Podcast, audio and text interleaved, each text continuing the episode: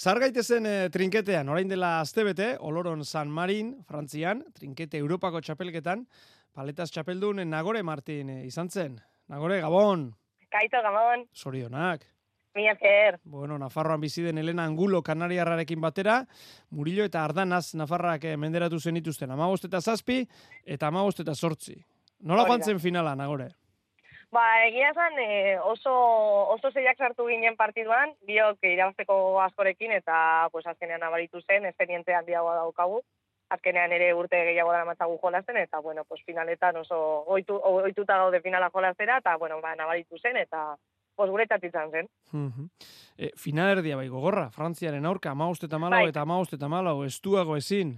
Bai, e, final erdia, bai, askoz gogorragoa izan zen partidua, eh, pues azkenean ez genitzen ez da ere ezagutzen, eh, maiderrekin eta usuerekin azkenean entrenatzen dugu, eta partidu asko dara matzagu elkarren kontra jolazen. Osa, que badakigu nola jolaztu gure kontra, baina, bueno, frantziarrak berriak ziren, ez genituen inoiz ikusi, eta, pues, hasieran bai, kostatu zitzaigun partiduan sartzea, beraiek oso eroso egon ziren, e, pelota ezen oso, oso azkarra, eta, bueno, ba, beraien zato beto, eta pues azkenean bai partidu gogorra, baina bueno, lortu genuen irabaztea ere bai, posi. Orokorrean Oloroneko Europako txapelketa ze zer nolako esperientzia izan da? Ba, polita, a ber, gu nahiago genituen, pues, eh, mundialean ezagutze, eh, bueno, normalean mundiala beste frantses bat, beste frantsesa batu joaten dira jolazera, eta ta ez ziren joan beraiek, beste batzuk eh, konbokatu zituzten.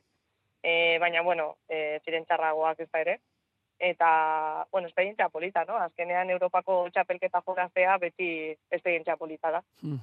Nagora, ipatu duzu munduko txapelketa, bueno, iaz, miarritzen munduko txapelketan brontzea. Orain bai. Europako txapeldun. Palmare, bai. palmarez, eh, palmareza potoloa bihurtzen ari da, eh? Gizentzen bai, bai. ari zara. Bai, egia esan, eta hau gainera nire Europako lehenengo txapelketa trinketan izan zen. Orain dela bi urte lortu nuen Europako txapelduna gelditzea e, frontoian, baina trinketean lehenengoa izan da, eta egia esan, ba, lehenengo, de, lehenengo aldiz irabazten duzunean erosin txapelketa asko ilusionea baditzen zu. Eta oso, oso pozik. Bueno, zuk aipatu duzu, Europako txapelketa frontoian, e, trinketean aipatu dugu munduko txapelketa, orain Europako txapeldun, 2008 batean, e, gomazko paletakoa munduko kopan, orduan ere irabazi. E, bai. Nagori, zuri berdintzaizu, trinketea, frontoi luzea, berdintzaizu, bietan gustora? Bai, niri, eske, a ber, txikitatik hasi nintzen, e, frontenizean gainera jolatzen, osea, orain ezke frontenizan ez dut ez da kompetitzen ere egiten, baina ni txikitatik frontenizan aritu nahi. Aitarekin eta izparekin beti pues, klubera joaten ginen eta hor frontenizan aritzen ginen. Baina gero ja palan sartu nintzen eta orduan lehenengo posamar urteak edo horrela, bueno, sortzi edo horrela, beti frontoian aritu izan nahi. Osea, que horregatik frontoian sartu nintzen earon hain dela bi urte e, palat, palatko, palatrinketeko palarekin e, jolazera, pues, azkar hartu nuen jokoa eta trinketean eske asko entrenatzen dut. Gaina nire mutil laguna ere oso oso nada modalitate horretan eta pues denbora asko naiz badekin jolasten pa eta asko ikasi dut. E, mutil laguna aipatu duzu, Santiago Andreasen Argentinarra duzu. E, Zeik esan bezala ura ere pilotaria eta ona gainera. E, elkar asko laguntzen duzue? Bai, bueno, Bai, ni sortzi hilabete, bueno, orain dela hiru hilabete etorri e, voltatu nintzen, baina sortzi hilabete egon naiz e, Argentinan bertan jolazen. Bai. bai. Eta ze, bueno, galdetu behar nizu mai esperientzia horren inguruan, sortzi hilabete Argentinan hango honenekin eta barra entrenatzen, nola joan da hori? Ba, pues, e, pues nire ustez izan da nire momenturik onera e, kirolean. Osea, azkenean bertan ikasi dut galtzen, ia egunero galtzen nuen, baina, bueno, azkenean galtzen ikasten da, ez? Eta, bueno, partiduak, entrenamenduak, entrenamendu horietan galtzeak, ba, ona etorri naiz, eta, bueno, pues orain dira, bazen dut. Osa, que oso posik. Eh, maila ikaragarri aurkitu duzu Argentinan? Bai, bai, azkenean hor trinketean, eh, bueno, hemen frontoi, hemen edozein leku batera joaten baldin bazara, frontoia dago. Ba, bertan, edozein leku tara joaten zarenean, trinkete bat dago. Orduan, claro, hor e, txiketeko maila oso oso altua da. Hmm. Osea, txikitatik ja bost urterekin jazten dira paleta eta eta pelota horrekin jolaz. Adibidez, gu hemen azten garan orokorrean, postenizeko pelota batekin eta palarekin.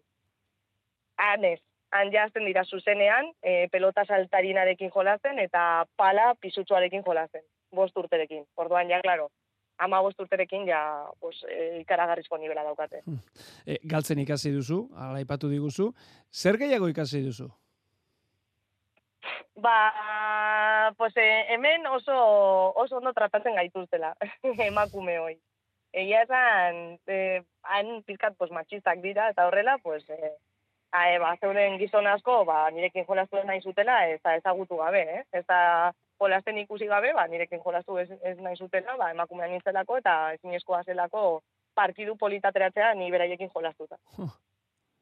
Osea, que horrekin topatu nintzen, bai, eta beti, pues, egon behar zinen, demostratzen, e, jolasten zenuela, eta, pues, beraiekin jolasteko maia neukala. Bueno, ba dago. E, eta handik nola ikusten gaituzte gu pelotari dagokionez esan nahi dut? Ba, pues, beraiek, sobre todo, e, ikusten gaituzte esku pilotako e, maia altuarekin. Aha. Gero trinketean eta horrela, ba, ba esain beste, ezkegia esan, malbidez mundialetan eta hori, beti, beti argentinarrak irabazten dute. Eta oso erraz, azkenean nabaritzen da, ba, modalitate horretara, e, egunero jolasten dutela, eta liga oso handia dagoela bertan, eta bueno,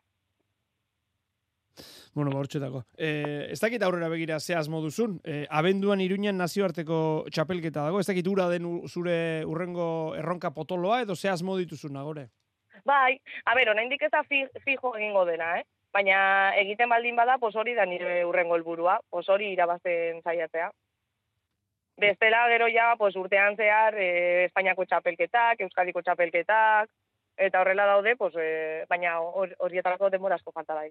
Mm. Baina eta ekaina arte ez dago, ez ez. Orduan, ba, sin ba, entrenatzea, eta ere da, ere da torondo pizkat eskantzu artea, eta jolaztea, pues, ligazkak hemen eta horrela disfrutatzeko presio hori gabe, eh? Hori da, baina ikusi duzu, eh, gustatzen zaizula nazio arte mailan lehiatzea, ez da munduko bai. txapelketak, Europakoak, munduko kopak.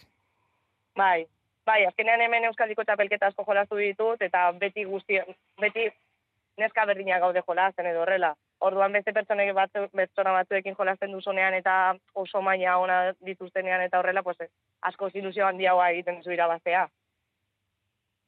Bueno, ba, duzue. Nagore Martin esan bezala, e, orain, Europako txapeldun ere bai. Beraz, e, zori ondu nahi genuen. Nagore, mila esker benetan gurekin izateatik eta segiko osatzen.